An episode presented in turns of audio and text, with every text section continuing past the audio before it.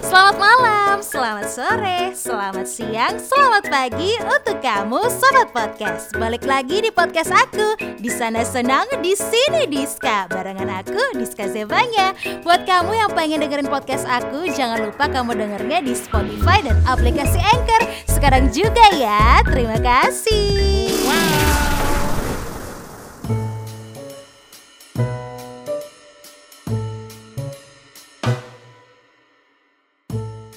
Lagi dengerin sambil ngapain sih sobat podcast? Semoga kalian semua dalam keadaan sehat, bugar, kuat, dan optimal menghadapi hari-hari kamu di tengah pandemi kayak gini. Jangan lupa juga untuk tetap pakai masker, cuci tangan, dan jaga jarak kalau misalnya kamu keluar rumah. Nah, sobat podcast, kalau yang aku lihat sekarang ini banyak banget ya teman-teman aku dan juga teman-teman aku di Instagram yang mungkin mulai sadar nih untuk menjalani pola hidup sehat. Apalagi di masa pandemi kayak gini. Dari mengganti ataupun juga mengurangi karbohidrat sampai dengan olahraga yang bisa mengencangkan dan membentuk badan, ya kan? Nah, kali ini aku akan ngobrol-ngobrol sama teman aku yang sudah memulai menjalankan pola hidup sehat dengan lebih banyak mengonsumsi sayur dan buah-buahan atau mungkin lebih banyak mengonsumsi makanan berserat dibandingkan karbohidrat. Nah, dia ini juga adalah seorang entertain, seorang MC profesional ya kan.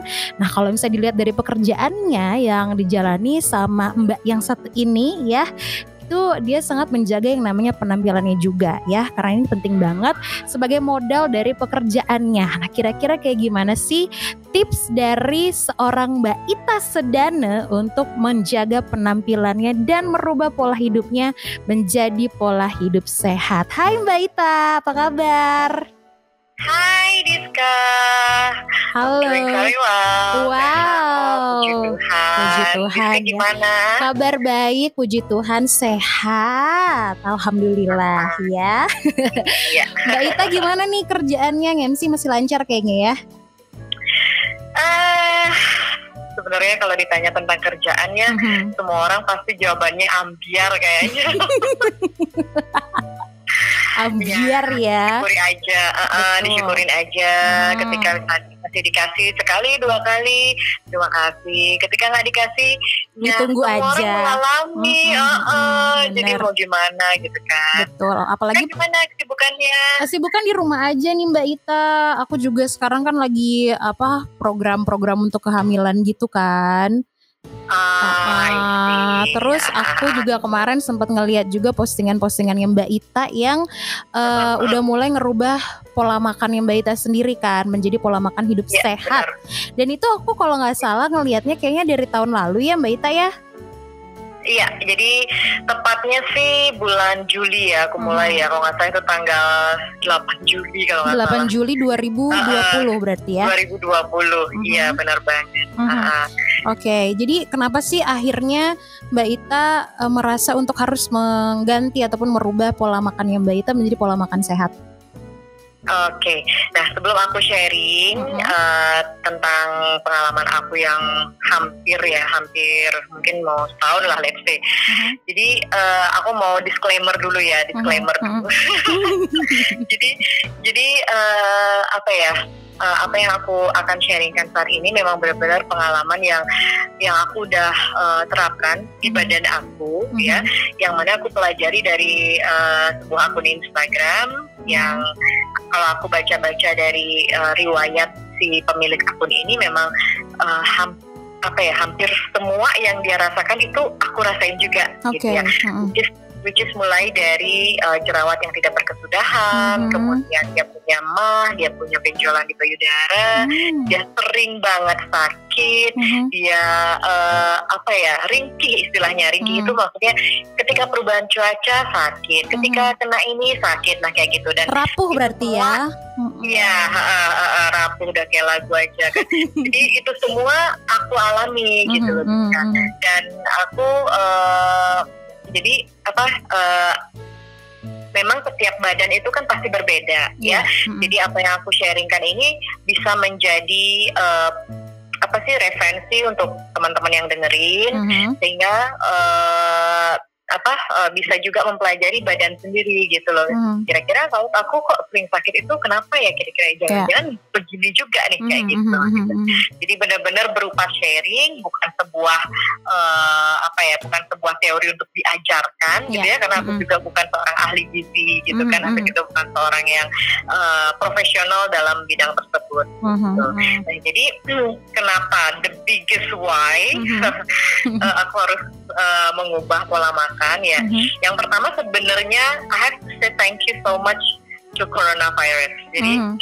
pan- pandemi ini benar-benar membuat aku ketakutan awalnya, Mhm. benar-benar takut, eh, stres ya, bahkan sempat sakit selama dua minggu di Mhm. awal pandemi, di awal Indonesia memutus apa, eh, di awal WHO mengatakan ini adalah pandemi dan Indonesia juga mengatakan sudah ada, ada yang gitu kan, masuk kalau ya. salah Hmm, hmm, hmm. benar waktu itu di bulan Maret ya Hmm. bulan Maret aku ingat banget Eh, waktu itu masih suasana nyepi dan eh, di suasana nyepi itu pun aku dan anakku sakit gitu jadi Wow. bahkan sampai dua minggu gitu mhm. dan semua symptomsnya karena waktu itu lagi hot-hotnya lagi panas-panasnya tentang eh, apa sih gejala corona apa sih Hmm. ah, ah, kayak gitu jadi semua symptomsnya itu semua aku rasain jadi Wah. mulai dari pilek, batuk, demam, sakit tenggorokan Hmm. Uh, dan aku juga memang banyak banget histori sakit gitu kan dalam artian histori kesehatanku lumayan kompleks juga Hmm. aku punya riwayat asma aku punya riwayat GERD yang cukup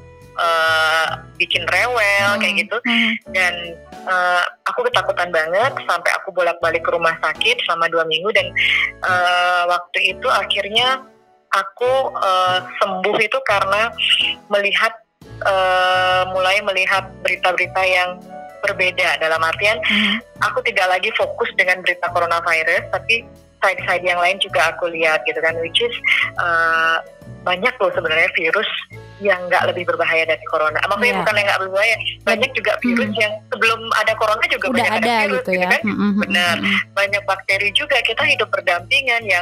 Kenapa kamu tidak uh, perkuat imunmu saja? Nah, Hmm. itu awal mulanya gitu. Jadi daripada hidup di dalam ketakutan, dari daripada hidup eh, bergantungan kepada obat, bergantungan kepada vitamin yang eh, pabrikan, nah Mhm. aku mulai mencari tahu apa yang bisa aku lakukan. Itu awal mulanya. Itu awal mulanya ya. Benar. Dan Ya, yang mhm. paling membuat urgent waktu Mhm. itu adalah Hmm. aku memang punya riwayat benjolan di payudara ya. Oh, Oke. Eh, namanya FAM, Mhm, itu adenomamine mhm. Jadi di tahun 2011 kalau nggak salah aku udah pernah operasi. Oke. Eh, mungkin nggak di tahun 2009 sorry Mhm. 2009 kalau aku udah pernah operasi FAM Mhm, eh, di bagian payudara kiri ya sorry. mhm, mhm. Dan waktu itu sih memang dokter menjelaskan bahwa yang pertama itu tumor jinak gitu Mhm, kan, yang mhm. kedua eh, penyebabnya itu tidak spesifik gitu. Mhm, Dan yang mhm. ketiga memang bisa tumbuh lagi gitu. Oke. Dan habis itu aku pikir karena aku menyusui eh, anakku, Mm-mm. aku breastfeeding, aku pikir tidak akan terkenal lagi karena kan katanya salah satu yang bisa mengurangi resiko benjolan, kanker dan sebagainya itu dengan kita menyusui juga Mhm, gitu mhm. kan. Resikonya menurun. Nah, aku pikir akan seperti itu, tapi ternyata eh, ya itu eh, tahun lalu persis di bulan-bulan awal-awal tahun ya, Januari, Mhm, mhm. Februari itu aku merasa ada benjolan lagi Hmm. Dan- parahnya eh, semakin eh, ke belakang apa semakin waktu itu kok dia sem- semakin Membesar. menunjukkan ciri-ciri yang Hmm. berbeda Hmm. berbeda dari farm sebelumnya jadi Oke. aku per- dulu dulu pernah operasi Mhm. kemudian sekarang tumbuh lagi dan sakit gitu loh sakit Hmm. kalau dulu nggak nggak sakit aku nggak nggak ngerti gitu kan Hmm, ini ya dengan gejala yang dulu ya kira-kira ini apa ya gitu hmm. Nah, eh, karena aku lebih memutuskan untuk tidak bertanya ke dokter dalam artian aku Hmm. belum siap. Takut juga kan juga maksudnya waktu itu mungkin ya. Karena Mm. itu udah pandemi juga nggak sih Mbak Ita atau?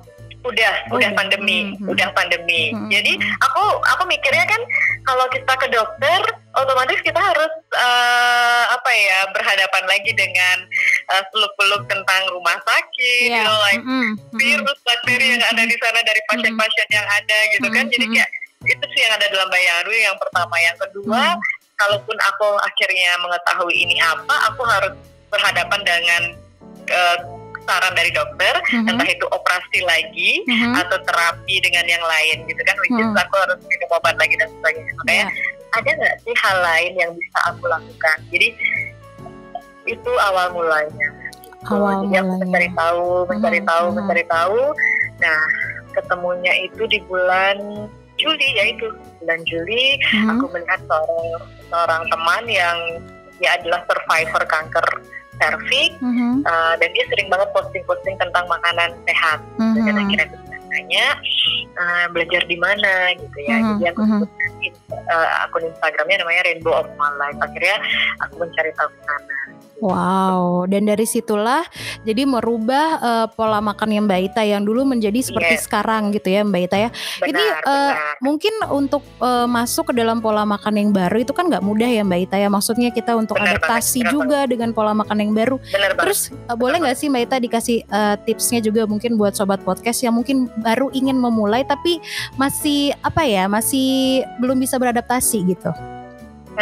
Oke, nah jadi eh, yang pertama eh, menurut aku kita harus tahu dulu ya tujuan kita. Mm, Gitu. Tujuan mm. kita eh, kita harus oke let's say diet. Diet itu yang ada dalam pikiran orang apa? Ya nggak. Kalau di ya. Rizka dengar kata diet itu untuk apa? Untuk kurus. Nah that's it. Mm-mm. Dan itu sebagian besar orang memik- berpikiran bahwa diet adalah untuk kurus. Iya. Bahwa padahal diet adalah kita mengatur pola makan kita sedemikian rupa Mhm. sehingga memberikan manfaat yang semaksimal mungkin untuk badan kita sehingga kita Mhm. menjadi lebih sehat. ya. sehat Mhm. dan harapannya adalah ideal. Ya. Jadi kalau kita sudah eh, mengerti tentang badan kita, otomatis yang namanya berat badan, yang Hmm. namanya eh, apa eh, kadar-kadar yang ada di dalam tubuh kita akan normal, Mhm, kadar mhm. lemak, kadar gula darah, ya, Mhm, mhm. tekanan darah, gitu. Hmm. Jadi dia akan pasti normal jika kita mengerti tubuh kita, jika kita mengerti apa sebenarnya yang dia butuhkan, Iya. gitu. Mhm. Jadi eh, menurut aku bagaimana sih cara merubah pola makan gitu ya? Yang pertama ya kita harus kita harus merubah pola pikir kita dulu. Mindsetnya dulu ya berarti ya. Iya, segala sesuatu yang kita mau lakukan mindsetnya dulu yang harus Hmm, dirubah hmm. gitu. Sama kayak misalkan Diska, kenapa Diska bisa membuat podcast ini dan sekonsisten ini? Walaupun Hmm. misalkan ini terbilang baru, Baru pasti ya. Diska punya eh, pasti Diska punya sebuah tujuan Tujuan, ya. dan itu Diska masukkan ke dalam pola pikir Diska Mm-mm, kenapa harus melakukan hal ini ya jadi mindsetnya dulu yang dirubah Mm. dari yang dulunya berpikir diet adalah untuk kurus sekarang diet adalah untuk sehat Diet Gitu. adalah sebuah kayak kewajiban gitu ya, keharusan Ya, nggak sih? diet Mm-mm. benar bahwa itu yang dibutuhkan oleh tubuh. kita Ah, ah, gitu itu yang pertama Mm. jadi dan yang kedua gimana cara merubah pola makan kalau dari pengalaman aku ya kalau Hmm. dari pengalaman aku adalah selain kita merubah mindset kita Mhm. kita tahu tujuan kita untuk apa gitu kan Mm. biasanya eh, bagi mereka yang sakit mungkin akan lebih mudah untuk merubah benar gak? Mhm, Karena ada ya. urgency. Iya. Let's say kayak aku ini Mm. mungkin kalau Tuhan memberikan aku tubuh yang sehat-sehat saja, mungkin aku juga akan Ya udah Eh, makan aja sebebas-bebasnya gitu ya. Iya, Mm. benar makan makan aja gue Mhm. nikmatin hidup Mm-mm. kan. Mm. Ya jadi hal kedua yang harus kita lakukan memang kita, kita harus eh, mau belajar gitu. Mm. Mm. Kita harus mau belajar tentang eh, membuka diri juga tentang sebenarnya apakah yang kita lakukan selama ini sudah baik untuk Mhm. jangka panjangnya Mhm. atau justru apa yang kita lakukan selama ini justru merusak badan kita gitu. Iya. Jadi di mana kita belajarnya? Nah, belajar udah bisa di mana saja ya. Iya. Yang penting, yang penting kita eh juga bisa harus pilih-pilih gitu. Karena Hmm. banyak banget sekarang influencer yang benar-benar membantu, tetapi banyak juga influencer yang menjerumuskan. Iya, gitu meracuni dalam arti sebenarnya bisa gitu ya. Heeh, Hmm, benar hmm, banget gitu. Jadi banyak banget yang bilang eh, misalnya kamu bisa kurus, kamu bisa punya body body goal, tapi Mm. eh, tetap bisa makan enak. Mhm. Buat aku eh, that's really impossible, Hmm. really. Hmm. Hmm. Mungkin kamu bisa punya body bagus, tapi kembali lagi ya tujuannya apa? Kalau cuma body bagus, ya udahlah gitu kan. Tapi itu tidak akan bertahan lama. Iya. Tapi kalau tujuanmu adalah sehat, memang mau nggak mau gitu, mau nggak mau Mm. kita harus menerima bahwa ini tidak baik untuk tubuh saya, ini yang dibutuhkan oleh tubuh saya gitu. Eh, uh, uh, gitu itu yang yang kedua gitu dan sebenarnya motivasi aku yang juga tidak kalah besarnya ya adalah aku melihat anak aku Hmm. jadi eh, apa yang terjadi sama aku saat ini ya Hmm. dengan segala kemelut riwayat kesehatanku Mm-mm. itu tidak terlepas dari perilaku, perilaku yang aku lakukan dari kecil Mhm, banget mhm, sampai sekarang itu kan yang eh, eh, FYI bahwa aku dulu memang aku berangkat dari eh, broken home ya Mhm, dan dan mhm. aku aku orang yang bukan dalam eh, broken apa keluarga yang eh, cukup banyak kemelut juga sehingga Mhm. eh, apa ya e- edukasi kepada anak itu sangat minim Ya. ketika aku menjadi anak kecil gitu Hmm. sehingga begitu juga dalam hal makanan Mhm. jadi aku makan apa aja yang menurut aku enak waktu itu aku udah Hmm. kenal dengan instan dan Rizka tahu waktu Ya. SD karena aku tidak eh, mau makan ABCD yang disuruh sama ibu aku jadi Hmm. aku makannya mm, hanya mau mie instan sampai ibu aku Hmm. nyerah dan akhirnya bener-bener stok dos-dosan jadi Wow. bukan lagi bener-bener. Jadi aku makan sekali sehari tiga kali mie instan. Mie goreng telur mie goreng telur. Pokoknya tiga. Mungkin dalam seminggu aku cuma bolong sehari karena bosen juga. Tapi akhirnya besoknya aku akan pengen lagi. Bener-bener kayak gitu. Mhm. gitu. dan uh, itu SD SMP aku lakukan. Wow. gitu. Iya bener-bener yang bisa dihitung dengan jari banget aku makan nasi lauk sayur kayak gitu Malah justru Bener-bener. mie instan itu adalah makanan pokok sehari-hari ya makanan berarti ya. pokok iya Wow. Dan ternyata mie telur mie telur ternyata Iya, efeknya juga sampai maksudnya bukan bukan pada saat itu memang tapi malah justru bukan pada saat kita udah Bukan kayak saat oh, itu oke. Heeh, dan kenapa aku bisa bilang SD SMP karena itu aku masih ada di rumah SMA aku mulai kos karena aku eh, apa memilih sekolah di Denpasar sedangkan Hmm. rumah aku cukup jauh gitu kan Mhm. jadi aku mulai ngekos makan lagi di luar Hmm, ngerti nggak aku iya, nggak iya. masak jadi jadi ya uh, we cannot control what is inside the food right Mhm, like mhm. uh, apa aja isinya kita Hmm. nggak pernah tahu kan kok dia Hmm. bisa enak gitu gitu Iya, ya benar-benar. SMA, kuliah, aku menghabiskan waktuku dengan makan di luar, makan dari masakan orang. Jadi benar-benar Hmm. sangat jarang sekali aku terkena makanan yang teredukasi gitu loh. Kamu harus makan ini karena begini. kamu harus minum banyak dan kalau di Ska mungkin eh, nanti ketemu sama aku ya kamu bisa perhatiin kulitku dari tangan aku itu keriput banget Oh kayak God. orang yang udah di atas 30 mungkin eh, bukan 30 ya 40 50 tahun karena aku nggak pernah di aku nggak pernah mendapatkan edukasi nutrisi ya nutrisi ya yang dibutuhkan sebenarnya dulu ya. kamu harus minum banyak gitu Hmm, kamu harus hmm. minum minimal sekian gelas nggak pernah jadi Hmm. ya udah aku nggak haus haus banget aku nggak Hmm, minum dan hmm, mungkin hmm. minumnya pun juga apa teh botol atau Oh apa god, yang- kemasan gitu ya. Iya iya iya. Yes, gitu. Jadi kebayang ya gimana Hmm, perilakuku. Jadi dan uh, ketika aku merasa aku ada benjolan lagi, Mhm, dia mhm. menunjuk- dan benjolan ini menunjukkan tanda-tanda yang berbeda dengan benjolan yang lalu yang is benjolan lalu adalah aman, yang Mhm. ini aku nggak tahu ke mana arahnya gitu kan. Mhm, mhm. Nah, di situ aku berpikir, aku baru usia 30 tahun, tapi sudah seperti ini Mhm, gitu loh. mhm. Di mana nanti ketika anakku sudah beranjak dewasa, yang dia harusnya menikmati masa remajanya, justru harus take care si emak yang sakit-sakitan ini. Iya, iya. Jadi itu yang benar-benar uh, menjadi motivasi aku dan buat teman-teman sih, buat uh, sobat pod, sobat podcast ya. Sobat podcast Uh, ya. Iya, kalau buat sobat podcast uh, dari Diska sih uh, benar-benar ketika uh, kita ingin melakukan sesuatu, merubah sesuatu yang benar-benar 180 derajat, yuk rubah dulu mindsetnya Mm. gitu kan. Mm. Gitu. Jangan udahlah dulu itu body goal adalah uh, wah ini besar, ini kecil gitu kan, pinggul mm, mm, kecil, apa mm. pinggang besar gitu. Iya. Ya ya ya. Something like that gitu ya Bagus gitu ya. benar-benar yang oh, oh, bener yang apa yang kelihatan di Instagram itu pokoknya aduh aku pengen body kayak gitu Mhm, ayolah rubah gitu kan mhm. sekarang bahwa body goal adalah kadar lemaknya rendah massa ototnya Mhm. tinggi kemudian apa eh, kadar airnya tinggi ya jadi kita terlihat segar dan bugar benar-benar memang uh, karena apa yang kita lakukan perilaku kita gitu. Wow, luar biasa banget loh ini. Aku malah baru tahu dan ternyata memang efek-efeknya itu jangka panjang ya berarti ya kalau misalnya dikonsumsi bener, dari sejak ya, sejak dulu. Benar. Kayak gitu. Benar.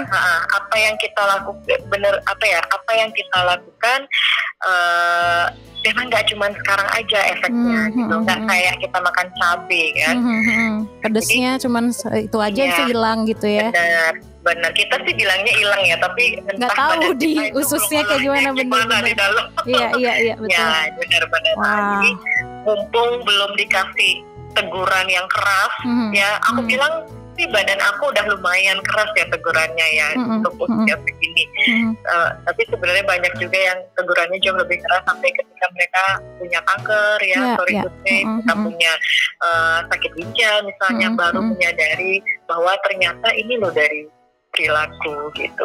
Walaupun sebenarnya ya, walaupun mm-hmm. ya jujur ya, ketika mm-hmm. kita konsultasi ke dokter ini apa yang aku alami, yeah. jadi mm-hmm uh, apa mengatakan gimana. Jadi ketika kita konsultasi ke dokter, ketika ada benjolan, uh, sering banget aku mendengar bahwa ini uh, penyebabnya tidak spesifik gitu. Jadi kan kayak kita jadi tenang ya. Mm-hmm. Ya kenapa ya? Ya udah memang gitu aja gitu kan. Mm-hmm. Ya nggak sih? Yeah. Padahal ya benar kata-kata itu. Ini penyebabnya tidak spesifik dan penyebabnya sekompleks itu gitu loh. Jadi yang kita lakukan bertahun-tahun itulah yang menjadi satu ya. Akhirnya. Uh, gitu. Wah luar biasa. Tapi kalau misalnya kita balik lagi uh, uh, ngomongin soal yang pola hidup yang tadi gitu ya, Mbak Ita ya.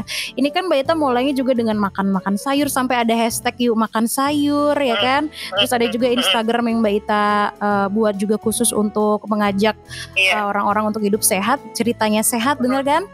Iya nah, ceritanya dan sehat benar. Itu dia. Apa sih uh, yang waktu itu Mbak Ita konsumsi ketika menjalani pola uh, makan ini? Mungkin sahabat iya, podcast ya, juga bener. pengen tahu nih apa aja. benar benar banget. Jadi kita ngomongin tentang uh, pola makannya ya. ya. Jadi uh, oke okay, tadi kita udah kasih, aku udah kasih bocoran tentang gimana perilaku mm-hmm. yang mm-hmm. lalu gitu yeah, kan. Yeah. Berubahnya itu menjadi apa? Yang pertama uh, apa yang dari yang aku baca ya. Yang pertama sayur is a must.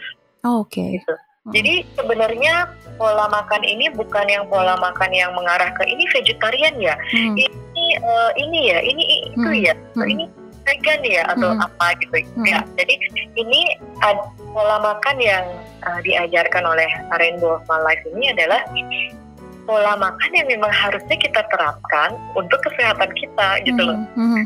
Untuk eh, jadi tidak ada sesuatu yang ini untuk si A ya yang harus menerapkan enggak gitu. Jadi hmm. ini ya bisa diterapkan oleh siapa saja. Yang pertama uh, pastikan ketika kita makan itu ada sayur. Oke. Okay. Ya banyak banget orang yang uh, apa ya mungkin sama sayur pun benar-benar diremehkan ya. Hmm. Aku nggak suka sayur gitu. Mm-hmm. udah benar-benar gak dimakan nggak nggak mm-hmm. pernah makan sayur sama sekali ada gitu adikku bahkan salah satunya ya ya mm-hmm. aku nggak bisa makan sayur bener-bener dia nggak makan sayur gitu oh, terus uh, ya apa itu sayur itu mas bahkan uh, mulailah untuk uh, belajar untuk makan sayur mentah karena hmm. hanya di sayur mentah ada kandungan enzim yang utuh ya, okay. vitamin yang utuh, mm-hmm. uh, mineral dan sebagainya, mikronutrien istilahnya. Aku mm-hmm. juga tidak terlalu uh, mendalami hal ini. Mm-hmm. Nanti mungkin bisa dicari sama sobat podcast ya artinya. Benar, mm-hmm. uh, benar. Jadi ini uh, mikronutrien ini adalah uh, apa nutrisi yang membantu tubuh kita untuk mengolah makronutriennya. Makronutriennya hmm. itu seperti karbohidrat kompleks ya, hmm. ya, kemudian seperti apa uh, daging-dagingan hmm. itu sangat dicerna oleh tubuh. Kemudian toksin-toksin yang kita masukkan secara hmm. tidak sengaja bersamaan dengan makanan dan minumannya, mikronutrien inilah yang membantu tubuh kita hmm. untuk menegakkannya seperti itu okay. yang aku baca. Jadi hmm. sayur itu penting banget hmm. gitu. Ya, Berarti... itu sayur matang, hmm. sayur mentah. Okay. Kenapa harus sayur mentah ya? Hmm. bilang hanya di sayur mentah ada enzim yang utuh, mineral, vitamin yang utuh. Hmm. Karena begitu di masak itu sayur yeah. ya, hmm. at least enzim udah bakal hilang. Hmm, Jadi okay. kita nggak bisa mendapatkan manfaat enzim, enzim yang utuh ya. Iya, karena bahkan dia akan hilang bahkan sama sekali nggak ada Hmm, gitu loh oke. kalau mineral sama vitamin eh, konon katanya masih bisa bertahan di suhu seberapa gitu ya Mm, mm, mm, tapi mm, mm. kalau enzim suhu 40 dia udah di atas ya. 40 nih udah mati Mhm, enzim itu. Oke. Gitu. Makanya kalau kita masak kan biasanya rata-rata di atas suhu 40 ya. Iya iya benar. Jadi mau nggak mau pasti udah hilang gitu. Jadi uh, apa belajarlah untuk makan sayur mentah juga. sayur mentah. Sayur is a must. Nah, wow. Oke. Kemudian, Aha. mm, nah jadi selain kita menambah sayur, nah uh, jadi ada hal yang harus kita tambah, ada hal yang juga harus kita kurangi atau bahkan hilangkan. Mm-mm. Yang kita tambah di dalam pola makan, maksudnya makanan sehari-hari kita apa? Sayur. Mm-mm. Ya. Kemudian yang kita harus hilangkan apa? Nah ini, ini yang sebenarnya justru eh, banyak memberikan dampak kesehatan. Mhm. Jadi kalau misalkan Jiska makan sayur, Mhm. tapi tidak mengurangi atau menghilangkan hal-hal ini, eh, si sayur nggak akan memberikan efek semaksimal yang kita harapkan. berarti nggak optimal ya jadinya ya Nggak ya? Ah, ah. Mhm. Jadi hal yang harus kita hilangkan, kalau bisa ya dihilangkan, tapi kalau nggak at least dikurangi. Kan? Eh, yang pertama adalah gula. gula oke Ya, Orang Mhm. tahu gula adalah sumber dari berbagai kesakitan Iya, ya, berbagai penyakit. benar Gula, uh, uh, terutama gula putih gitu. oke Jadi uh, gula putih itu gula pasir ya. Mhm, Kalau sih uh, kita tidak lagi mengkonsumsi makanan dan minuman yang mengandung gula pasir atau Oke. gula ya. Pokoknya Mhm, rendah gula deh makanan. kayak boba kayak minuman-minuman kemasan yang kayak gitu-gitu kan That's it. Ah, itu kan wow itu Kalau- enak tapi uh gulanya banyak banget Iya benar sekali. Mhm. dan eh, apa eh, kalau yang diajarkan sama Rainbow Malak ini benar-benar belajar untuk kita hidup sehat tapi realistis juga karena oke susah ya Mhm, karena lidah kita udah terbiasa dengan sesuatu yang enak mhm. Itu aja gimana rasanya aduh tersiksa Iya.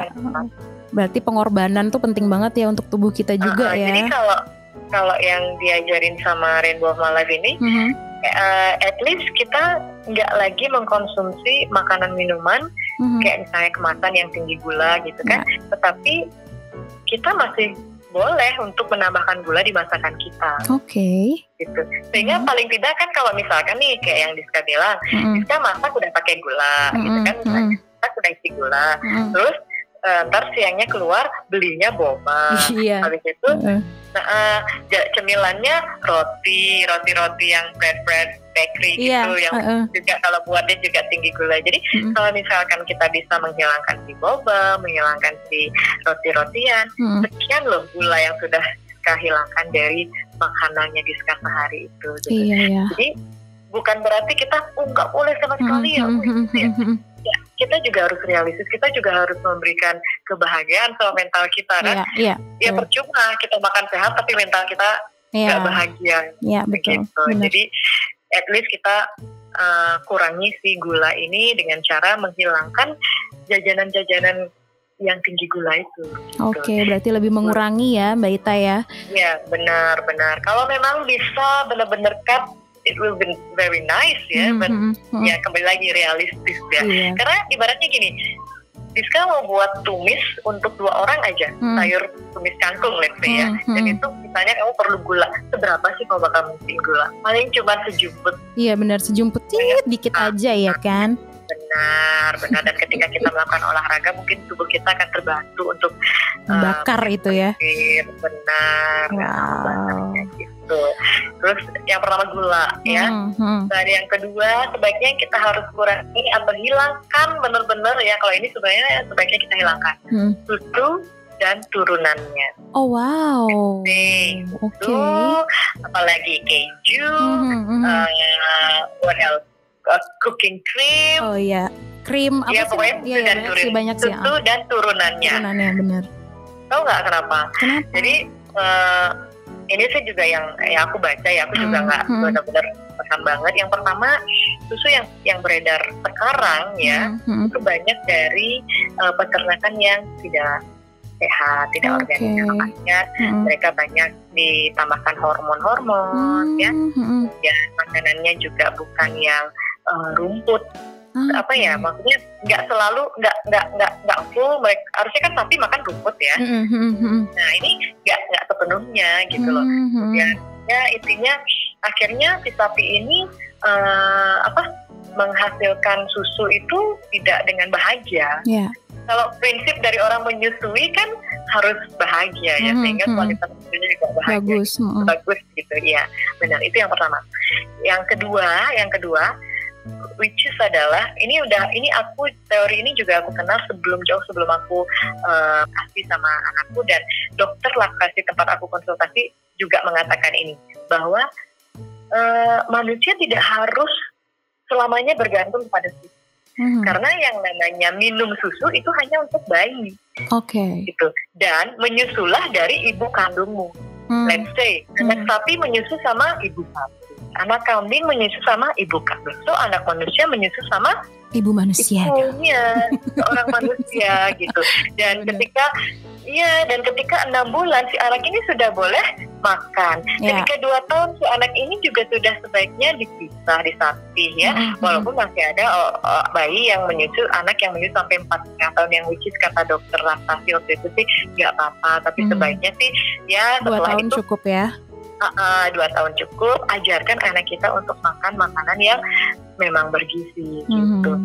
jadi eh, hanya manusia nih yang menyusu kepada bukan ibunya yaitu Hmm. susu-susu tadi itu susu sapi. Iya, jadi dari segi penciptaannya, kodratnya saja Hmm. sudah berbeda, Ya. bener nggak sih? Iya, benar. Logika loh, kita Hmm. logika aja Hmm. gitu ya.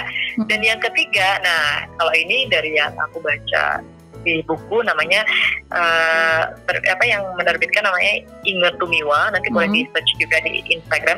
Inge Tumiwa ini juga dia berhasil sembuh karena perubahan pola makan. Oke. Jadi dia juga mem- membuat buku namanya Eating Clean. Mhm. Ah, di situ dikatakan bahwa eh, tubuh manusia itu tidak bisa mengolah eh, laktosa yang terkandung di dalam selain susu ibu. Oh ya. Jadi, ah, ah, jadi susu itu kan mengandung laktosa, Hmm. benar nggak? Nah, itu diperlukan kalau nggak salah ya enzim ya enzim yang ada di dalam tubuh manusia kalau namanya laktose, nama enzimnya itu yang meng- mengolah si laktosa ini. Gitu. Mhm. ternyata eh, kita nggak bisa mengolah yang ada di dalam susu eh, sapi. Mhm. Makanya banyak kan yang alergi. Aku alergi lak apa? Iya, eh, eh, laktosa ya kan susu sapi tuh ada beberapa Bener. yang nggak bisa ya. alergi kan? ya. Makanya sampai Hmm. orang-orang tuh mencari eh, susu yang tidak ada laktosanya. Iya, mm. kan ya Hmm. karena memang tubuh manusia eh, tidak tidak didesain untuk mengolah susu dari bukan ibunya gitu. Oke. ya dan terus mbak Ita kenapa dong eh, banyak apa yang tetap mengagung-agungkan susu gitu kan Mhm, mhm, mhm, mhm. Eh, dan banyak juga bayi-bayi yang banyak masih menyusu secara susu formula gitu Iya. ya kembali lagi ya kembali lagi ya Nah, ini udah perubahan peradaban istilahnya Mhm, mungkin ya Iya. dan mhm. perubahan zaman, modernisasi dan Mm-mm. sebagainya. Yang which is uh, manusia pikirannya apa? Praktis. Praktis, simple. Bener nggak? Iya.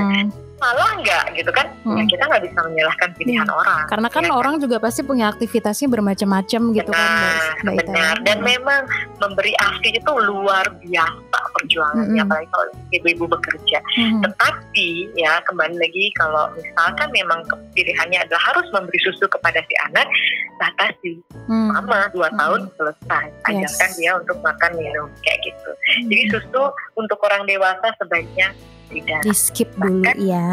Hmm, bahkan eh, harusnya kita minum susu, kalsium kita kadar kalsium kita naik atau Hmm. kadar kalsium kita bagus. Hmm. Dari yang aku baca juga di Eating Clean itu justru kandungan protein yang terdapat di dalam susu sapi ketika Hmm. kita minum dalam jangka waktu yang lama Hmm. menggerogoti kalsium kita. Banyak Oh, berarti ketutup ya istilahnya gitu ya? glowing, you know, Oh, Oh, wow, wow, fakta yang benar-benar wow. Aku yang kayak harusnya kan justru kita mendapatkan manfaat kalsium, Kalsium yang, yang banyak berarti Uh, ternyata tidak ya? ya, tapi justru dalam jangka waktu yang panjang Wah, protein yang terkandung di dalam susu sapi itu katanya bisa menggerogoti kadar kalsium kalsiumnya justru. Wah, kita. Iya, wadaw.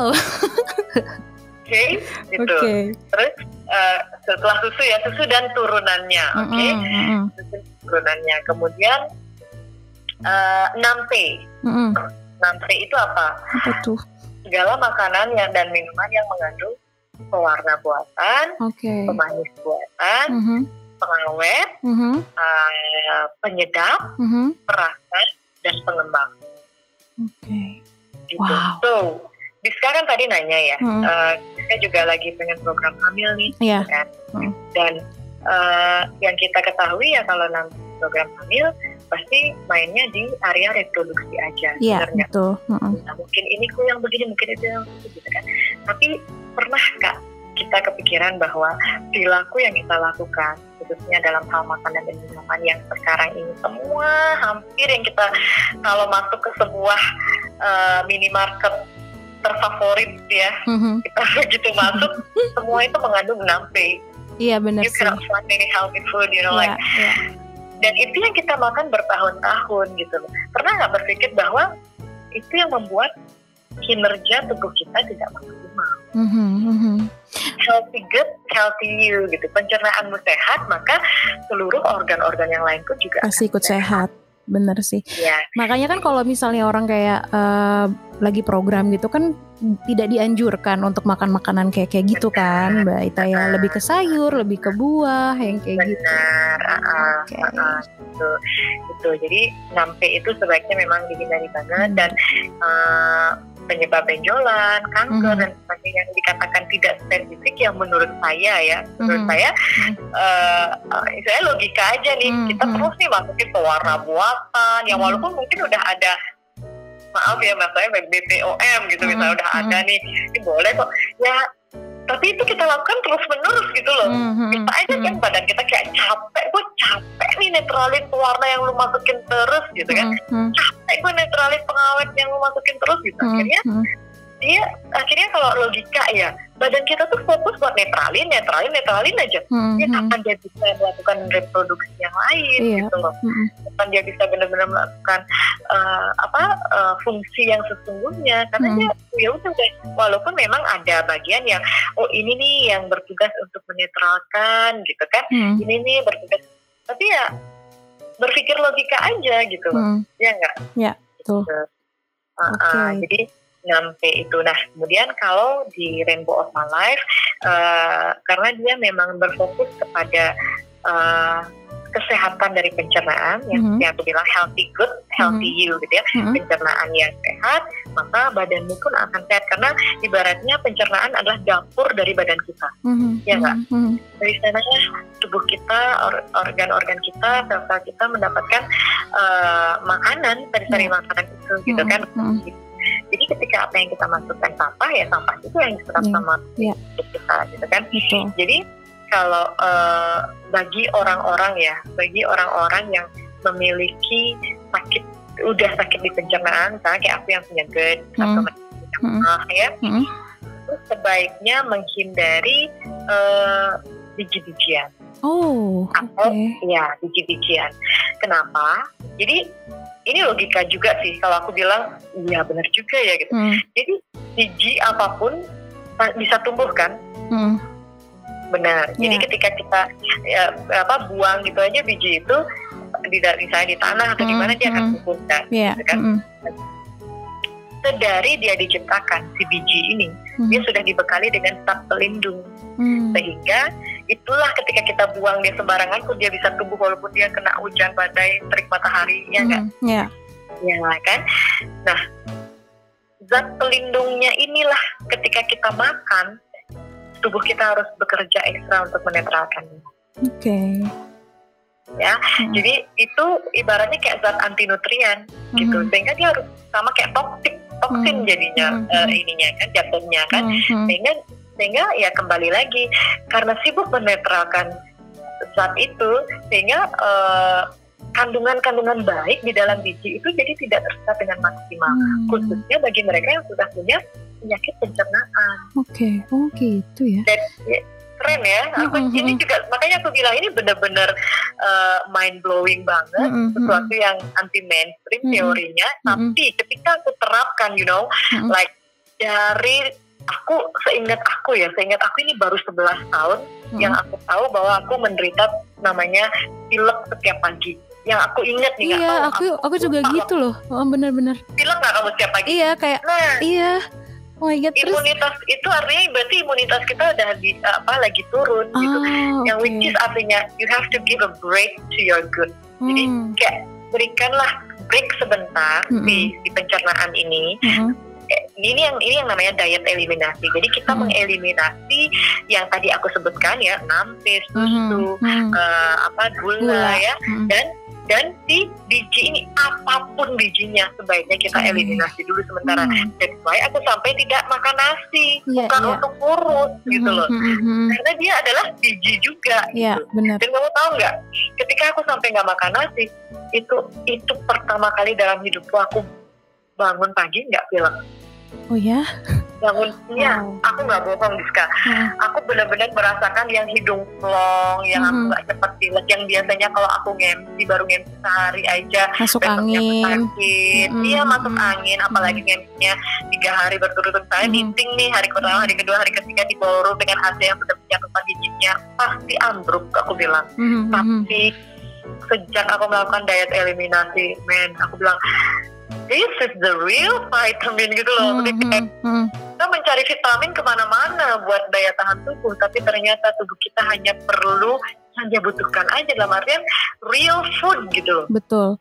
Ibaratnya kayak kita kayak misalnya kita ngebeli vitamin di toko-toko obat dan lain-lain itu silahkan. Tapi ternyata banyak juga Iya. vitamin yang kita dapetin malah justru di sekeliling kita bahkan di rumah kita pun ada gitu ya.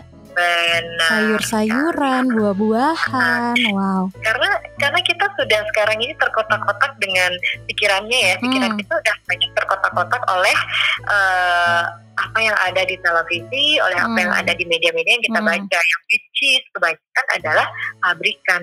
Iya. Benar. Ya enggak dan kita akhirnya bahkan tidak banyak apa ya tidak sedikit orang berpikir bahwa makan sayur itu yang kita olah sendiri mungkin Hmm. tidak lebih sehat daripada beli di mana Hmm, gitu loh. hmm. karena ngeri nggak kelihatannya atau gimana dan kita kayak nggak pede dengan olahan kita gitu. Padahal dengan olahan kita sendiri kita bisa memastikan apa aja yang ada Yang di masuk betul, betul. benar. Kayak misalkan sayur dan buah bisa membuat kita semakin sehat atau bisa meningkatkan imunitas kita. Tapi banyak banget nggak sih yang bilang tapi kamu harus tetap minum vitamin C jadi Iya, iya, benar nggak benar. padahal kalau kamu bisa menghilangkan yang tadi tadi aku bilang ya Mm-mm. dan ada beberapa lain lagi kemudian kamu berfokus kepada real food saja yang juga eh, mudah untuk dicerna ya Mm-mm. badanmu nggak butuh vitamin dia bisa membentuk sendiri Dari makanan-makanan yang tadi itu ya, sayur-sayuran, vitamin buah-buahan. eh, iya vitamin pabrikan pun ketika kamu konsumsi dalam jangka waktu yang panjang mungkin akan memberikan side effect. Karena kan ya kembali lagi ya itu pabrikan ya. Hmm, kita hmm, nggak pernah tahu kan Mm-mm, gimana mm-mm. bagaimana tubuh kita untuk mengolah mm-mm, mm-mm. jadi Wow, ya luar biasa ya. Tapi yang aku baca heeh. dan mungkin itu juga Mbak Ita Mbak Ita lakukan gitu ya.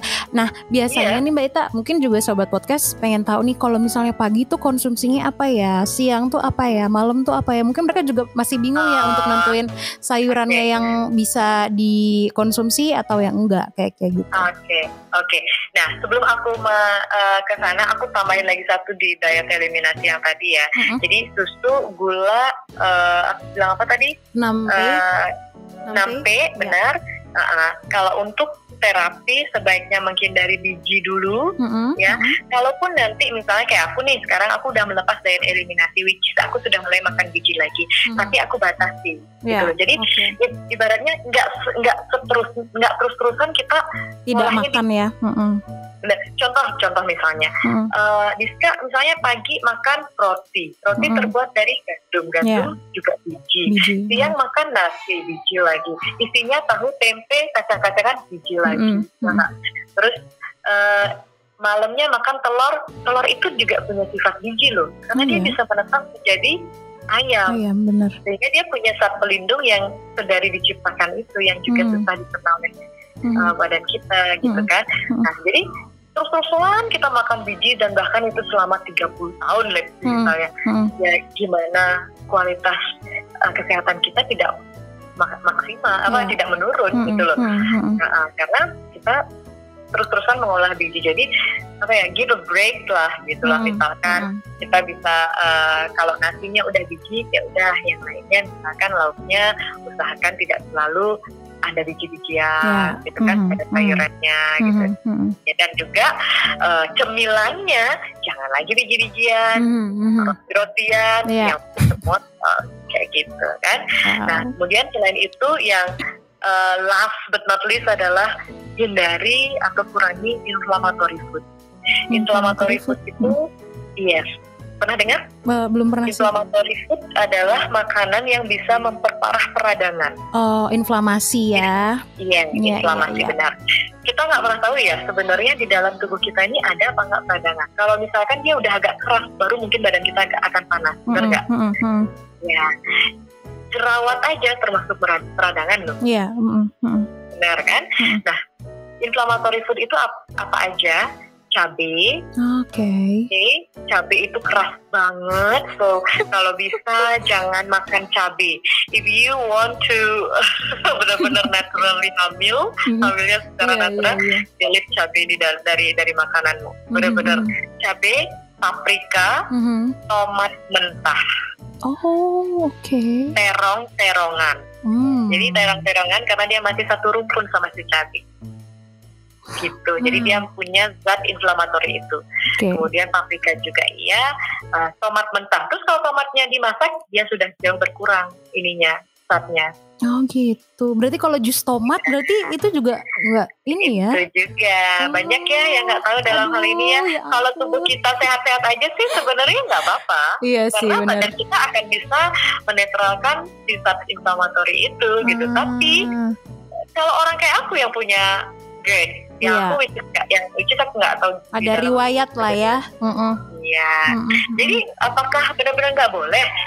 Boleh kalau misalkan memang pencernaan kita menerima itu. Kalau aku memang benar-benar Rizka ketika aku misalkan nih makan tomat mentah langsung ada reaksi gitu, nggak enak gitu. perutnya. Oke. Iya benar. Tapi kalau untuk orang yang memang sedang terapi, ya Hmm. terapi apa pun sebaiknya hindari inflammatory food ini. Hmm. Gitu. Untuk orang sehat gimana? Nggak apa-apa sih makan, tapi sekali lagi, masa iya setiap hari tujuh, tujuh hari seminggu badanmu harus menetralkan inflammatory food gitu Iya. Heeh. Heeh. ya. Oke. Gitu. Jadi em, kalau aku sih eh, Mbak Ita benar-benar clean banget ya 100% Hmm, aku bilang. Satu, aku nggak bisa lepas dari gorengan. Mhm. Gorengan dalam artian lauk yang digoreng ya, bukan gorengan yang aku beli di luar. gitu. Yang di sore-sore gitu ya enggak ya? Iya benar. Jadi eh, maksudnya gimana? Eh, aku lebih menerapkan prinsip 80-20. Mhm. Jadi aku berusaha banget dalam hariku itu 80 persennya adalah makanan sehat, Mhm. ya 20 persennya atau bahkan 10 persennya atau even less than that, oke lah hanya untuk memuaskan eh, mental gitu kan biar Hmm. tetap bahagia waras. Hmm. Jadi eh, itu sih yang aku lakukan. Kemudian yang kedua eh, apa ya untuk bisa menambah intake sayur mentahku, aku me- membuat jus yang seperti mungkin Rizka sering lihat ya. Ya, ya. Aku buat jus jus dari eh, apa umbi-umbian Mhm. seperti beet, Mhm. wortel, bengkoang ya. Mhm. Dan aku buat eh, apa smoothie dari daun-daunan yang tidak dimasak sama sekali gitu Wow. dan dicampur dengan air kelapa sehingga itu tetap enak. Jadi fungsi dari buat jus dan smoothie itu bukan tanda petik gaya-gayaan. Hmm, Oh, hmm. Instagramable gitu biar enggak ya? No, uh, no, you know it's just the way to uh, to gain your vegetable intake gitu Hmm, loh. Jadi hmm. kayak gimana cara makan sayur mentah? Lu bisa nggak makan sayur mentah dua Hmm. baso? Mhm, mhm. Susah kan? Iya. Gila lu Enak-enak makan dah. sejumput aja ya, makan sejumput aja udah enak udah Iya. enak Heeh. rasanya di lidah Mm-mm. pahit Mm-mm. nah jadi jus atau smoothie itu adalah cara Mengolahnya ya. memasukkan nah, Mhm, benar mhm, mhm. makanya kenapa airnya dipakainya air kelapa bukan air biasa dan tidak Oke. ditambah manis buatan Oke. biar pemanisnya itu sudah alami Alami air dari kelapa Dan itu ya. juga kan dia juga mengandung ion-ion ya Hmm, mengandung mineral dan sebagainya bagus untuk eh, apa eh, hidrasi tubuh kita Hmm. gitu ya jadi ya buat aku sih selain kita mengurangi yang tadi ada di list eliminasi itu, Mm-mm. uh, kita harus menambahkan banyak sekali makan sayur sehingga badan kita uh, bisa melakukan apa namanya uh, detoksifikasi dengan bagus gitu ya. Salah satunya gimana caranya banyak makan sayur adalah dengan jus atau smoothie. Jus atau Nah, kita smoothie. Punya benar. Oke. Terus apa aja yang dimakan gitu kan? Hmm, hmm. Makan pagi, makan siang, makan malam. Sebenarnya aku bilang uh, itu personalized banget Mhm. sesuai dengan orangnya masing-masing. Kebutuhan Kalau orang ya. Pribadi benar, benar banget. Kalau dengan misalnya nih, kalau saja, kalau misalkan aku uh, tipe orang dengan maaf tanda petik kelebihan berat badan, Mhm. aku kan dengan senang hati mengeliminasi nasi sih sebenarnya. Hmm, Karena hmm. itu benar-benar uh, satu dia punya sifat gizi, dua Hmm. dia mengandung tinggi karbohidrat, dia Hmm. juga mengandung tinggi gula gitu kan, belum Hmm. lagi yang digunakan untuk menumbuhkan si padi itu gitu. Jadi uh, kalau bisa nggak makan nasi itu lebih bagus misalnya kita ganti dengan umbi-umbian seperti uh, ketela, Hmm. kemudian apa kentang, ya banyak Hmm, hmm, Hmm, benar. Jadi kalau aku sih yang pertama kalau dari aku ya, Ya. saya baru bangun biasanya pasti minum air hmm. dan aku usahakan minum air hangat juga Hmm. uh, dua gelas ya. Kemudian yang habis itu aku biasanya makan pisang Oke. atau buah Hmm, hmm, karena buah sangat bagus untuk dicerna ketika perut kita kosong. Oke. Hmm, Kalau biasanya buah dicer- di, kita makan setelah makan nasi hmm, Ya nggak? hmm. Iya, sebagai dessert. Hmm, Padahal teorinya adalah buah itu cuma perlu 15 menit rata-rata untuk dicerna. hmm. Jadi kalau misalkan kita makan dulu, makan yang ada karbonya, misalnya nasi gitu, Hmm. habis itu baru kita makan buah, nasi itu bisa dicerna 4 jam loh. Karbohidrat Hmm. itu kalau nggak salah paling lama dicerna 4 jam. Hmm. Sehingga ketika, ketika makan nasi dulu, perut kita lagi mencerna itu, terus kita masukin, Masukin lagi buah, buah. ya si buah, si buah ini belum sempat dicerna udah busuk di dalam Ah, ini iya, kita iya. perjalanannya dia di di dalam proses pencernaan karena Hmm, hmm. menunggu giliran gitu loh istilahnya. Hmm, hmm, hmm, hmm. Ya, jadi sebaiknya makan buah itu ketika kita dalam keadaan perut, Perut kosong, ya. Sehingga benar-benar manfaat dari buah itu kita dapatkan. Oke. Kita aku suka buah itu di jus loh, Kak. Hmm, hmm, Kalau menurut aku ya. Mungkin Karena kalau lebih lebih enak ya minumnya lidah, tinggal gitu Benar. aja. Kalau untuk untuk memuaskan lidah, jus buah memang enak. Tapi eh, jus buah itu kita tambahin gula nggak? Nggak usah deh kayaknya ya. Ya, Atau perlu nggak ya, tapi rata-rata orang tambahin gula nggak? Iya pasti karena Manis, takut lagi kurang biskuit manis. susu, Iya apa iya. kental manis ya? Uh. Itu jadi enak banget. Belum lagi nggak? meses-meses ya kan. Jadi dan si gula, si buah itu sendiri kan sudah punya gula, Iya. gula di dalam buah ya kan.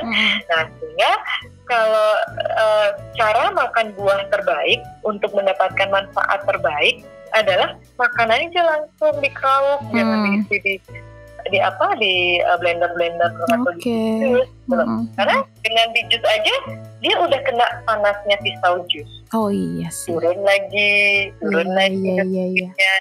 Tambahin gula, tambahin kental manis, tambahin Hmm. bla. Hmm. Jadi kayak ngerti nggak? Iya iya berkurang ya jadi Kita ininya. Bener. Kita Hmm. mau makan itu untuk memuaskan lidah apa Sehat. manfaat Iya. gitu. Ya. Ya, jadi aku biasanya makan buah pagi-pagi.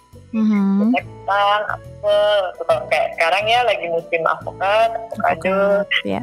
Uh, nah itu ya aku makan biasa, aku makan uh, selayaknya aku makan seperti orang-orang pada biasanya. Ada Mhm.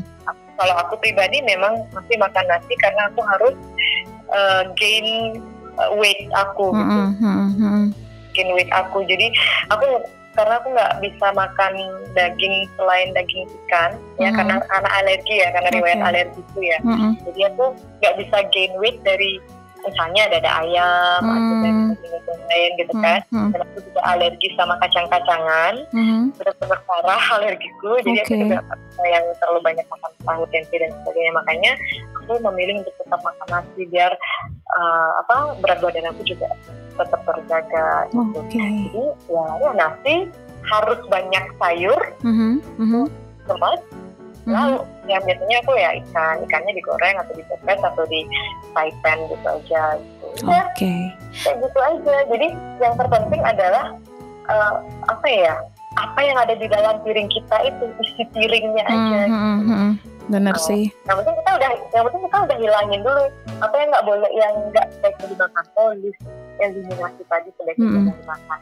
Mm-mm. Ya udah, tinggal kita makan yang bukan list itu, gitu aja. Oke, wow. Terus Mbak Ita, eh, manfaatnya dari Mbak Ita selama dari Juli kemarin sampai dengan sekarang itu apa sih manfaatnya Mbak Ita?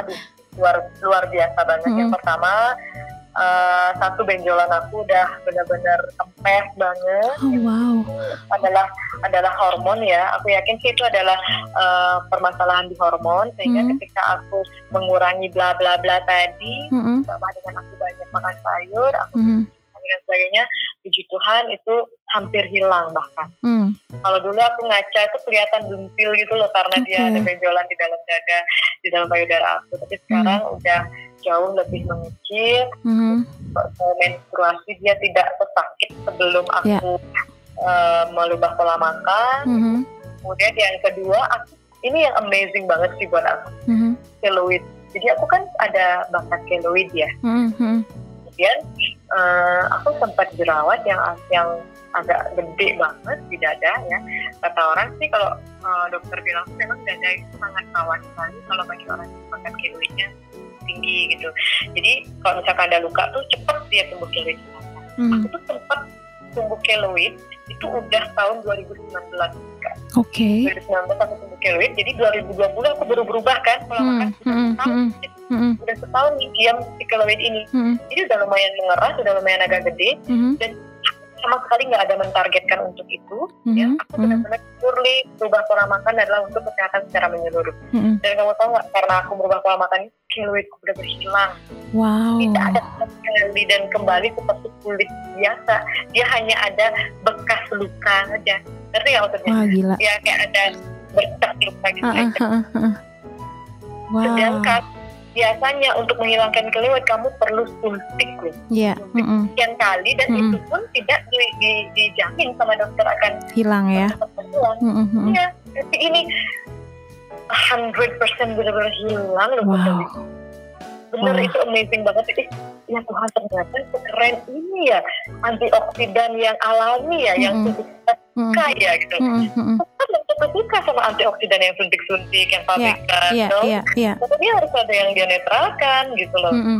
makanya ah keren banget sih dan kalau untuk pilek aku bisa dibilang 80% lah udah hilang Udah hilang ya. gitu Wow. karena eh, semenjak aku makan nasi lagi jujur aja aku merasakan lagi Hmm, hmm, open gitu kan. Hmm, kemarin waktu bener-bener eliminasi itu bener-bener hilang. Harusnya Mhm. aku perpanjang eliminasiku. Kalau bisa sebenarnya memang eh, kita lakukan eliminasi sampai benar-benar sehat hmm, baru kita makan gitu loh. Hmm. Nah, karena aku benar-benar kurus banget ya mungkin kalau Mhm. bisa lihat dari Iya, iya, iya, iya.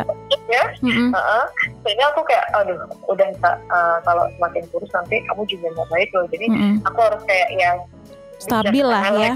diri sendiri jadi ya udah aku makan nasi tapi sayurnya harus semakin banyak gitu jadi eh, memang sih di sana tantangannya jadi kalau aku kurang aja dikit sayurnya mampet-mampet titikku ujungnya Oh gitu.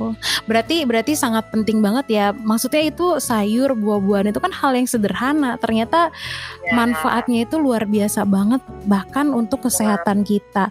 Mbak Ita ada pesan-pesan gak sih nih terakhir untuk sobat podcast yang mungkin masih susah atau belum konsisten menjalani gaya hidup sehat dan yang mungkin eh, pengen untuk merubah gaya hidupnya yang dulu menjadi pola hidup Ah. sehat.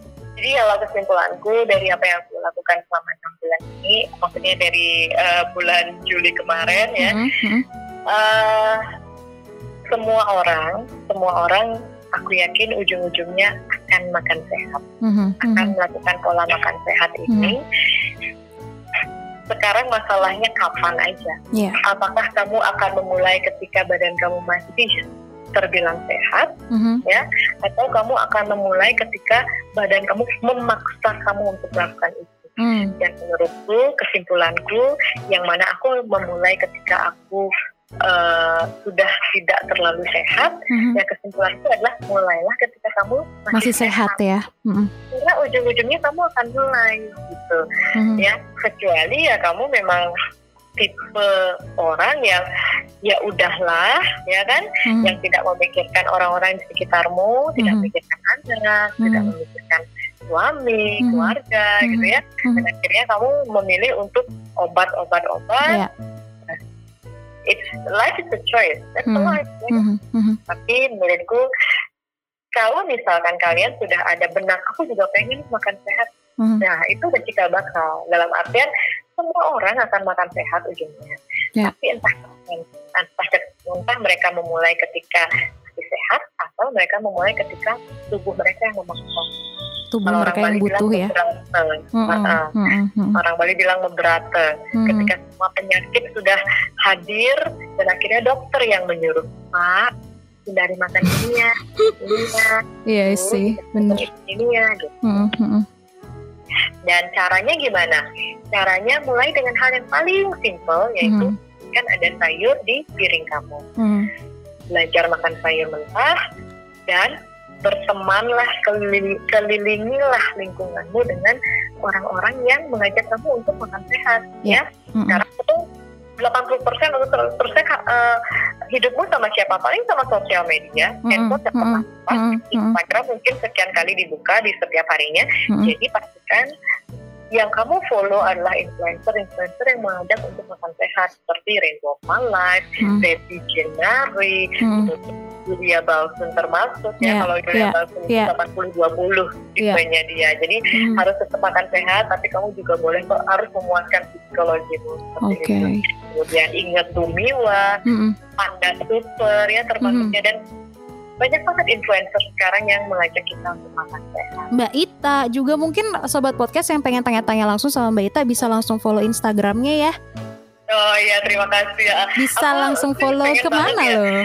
Uh, uh, jadi aku sih pengen banget sebenarnya untuk konten buat konten di ceritanya sehat, cuma belum bisa loh. Mhm, Kembali mhm. lagi ya tujuannya soalnya Iya, iya bener banget sih. tujuannya belum bener-bener Mhm, mhm. uh, tajam gitu kayaknya dan mhm. mungkin aku juga masih merasa aku hanya sekedar sharing Iya, gitu loh iya. aku belum yang uh, menjadi seorang ahli nutrisi Mhm. sehingga ada sedikit ah ya like ragu-ragu Iya. jangan pelan-pelan deh. tapi uh, I will be very happy if you Mhm. guys follow me if kita sedana underscore MC karena Mhm. saya cukup cukup sering misalnya share hari ini aku buat gitu Iya. apa Mhm, mhm. hari ini aku makan apa atau hari ini entahnya ada tulisan dari akun lain yang aku lihat Mhm. gitu, share kayak gitu nah, jadi Yes. ya kita saling mengingatkan Betul. Jadi kamu sobat podcast bisa langsung tanya-tanya ke Instagramnya Mbak Ita yaitu Ita Sedana underscore MC ya. Nanti aku taruh juga nanti di flyernya podcast aku.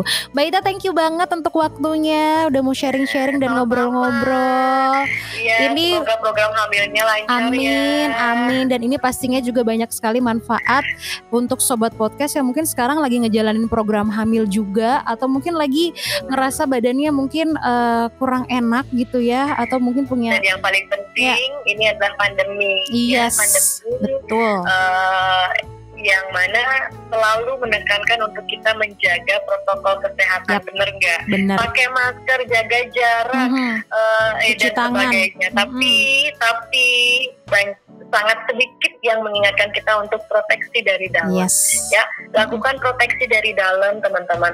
Aku udah benar-benar ngerasain banget. Aku melepaskan ketakutanku ya bahkan Mhm. eh, aku tidak separno yang dulu yang ke mana-mana harus begini begitu Hmm, dan hmm. oh my god Hmm, gitu kan aku jadi akhirnya mempercayai imunitas tubuhku aku lakukan proteksi dari dalam dengan cara apa berikan asupan nutrisi yang memang dibutuhkan sama tubuh kita yang Mhm. pertama yang kedua berikan gerak tubuh yang juga dibutuhkan kita dengan olahraga Yes. dengan jalan sehat dengan apa eh, berjemur pagi hari dan Hmm. yang ketiga istirahat yang cukup that's it tubuh kita cuma perlu tiga itu aja Rizka Mhm, kalau kamu benar. bisa melakukan itu konsisten aku yakin badanmu akan memberikan kamu surat cinta terindah buat Wow, bukan surat cinta untuk Yes. Starla ya, tapi surat cinta untuk diri Yes. sendiri.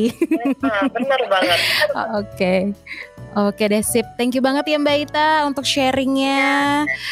sama semoga bermanfaat ya Pasti, dan pasti. sekali lagi ini hanya sebuah sharing Mhm. dan jika ada hal yang kurang berkenan ya mohon dimaafkan. Ya. Silahkan untuk menjadikan ini referensi dan Mhm. tetap kenali tubuhmu, kenali eh, yang dibutuhkan oleh tubuhmu. Karena setiap tubuh manusia itu berbeda. Berbeda-beda, betul banget. Sehat terus untuk Mbak Ita dan sekeluarga, sukses terus untuk apa yang dijalankannya ya. Oke gitu ya. deh, thank you banget Mbak Ita kalau gitu. Bye bye, thank you, bye. Itu dia sobat podcast obrolan kita sama MC cantik yang juga sangat memperhatikan kesehatan dan menjalani pola hidup sehat. Semoga aja informasi yang diberikan dapat berguna untuk kita semua. Ingat selalu untuk konsisten dengan apa yang kita jalani untuk kesehatan dan kehidupan kita yang lebih baik ya. Sekian dulu eh, podcast kita episode kali ini. Maaf banget kalau misalnya ada salah kata, salah ucap. Dan sampai jumpa di podcast berikutnya. Saya punya patung untuk kamu. Doraemon makan buah sambil ngompol. Uh lala, Kemon. Kita jalani hidup sehat biar pol. Bye!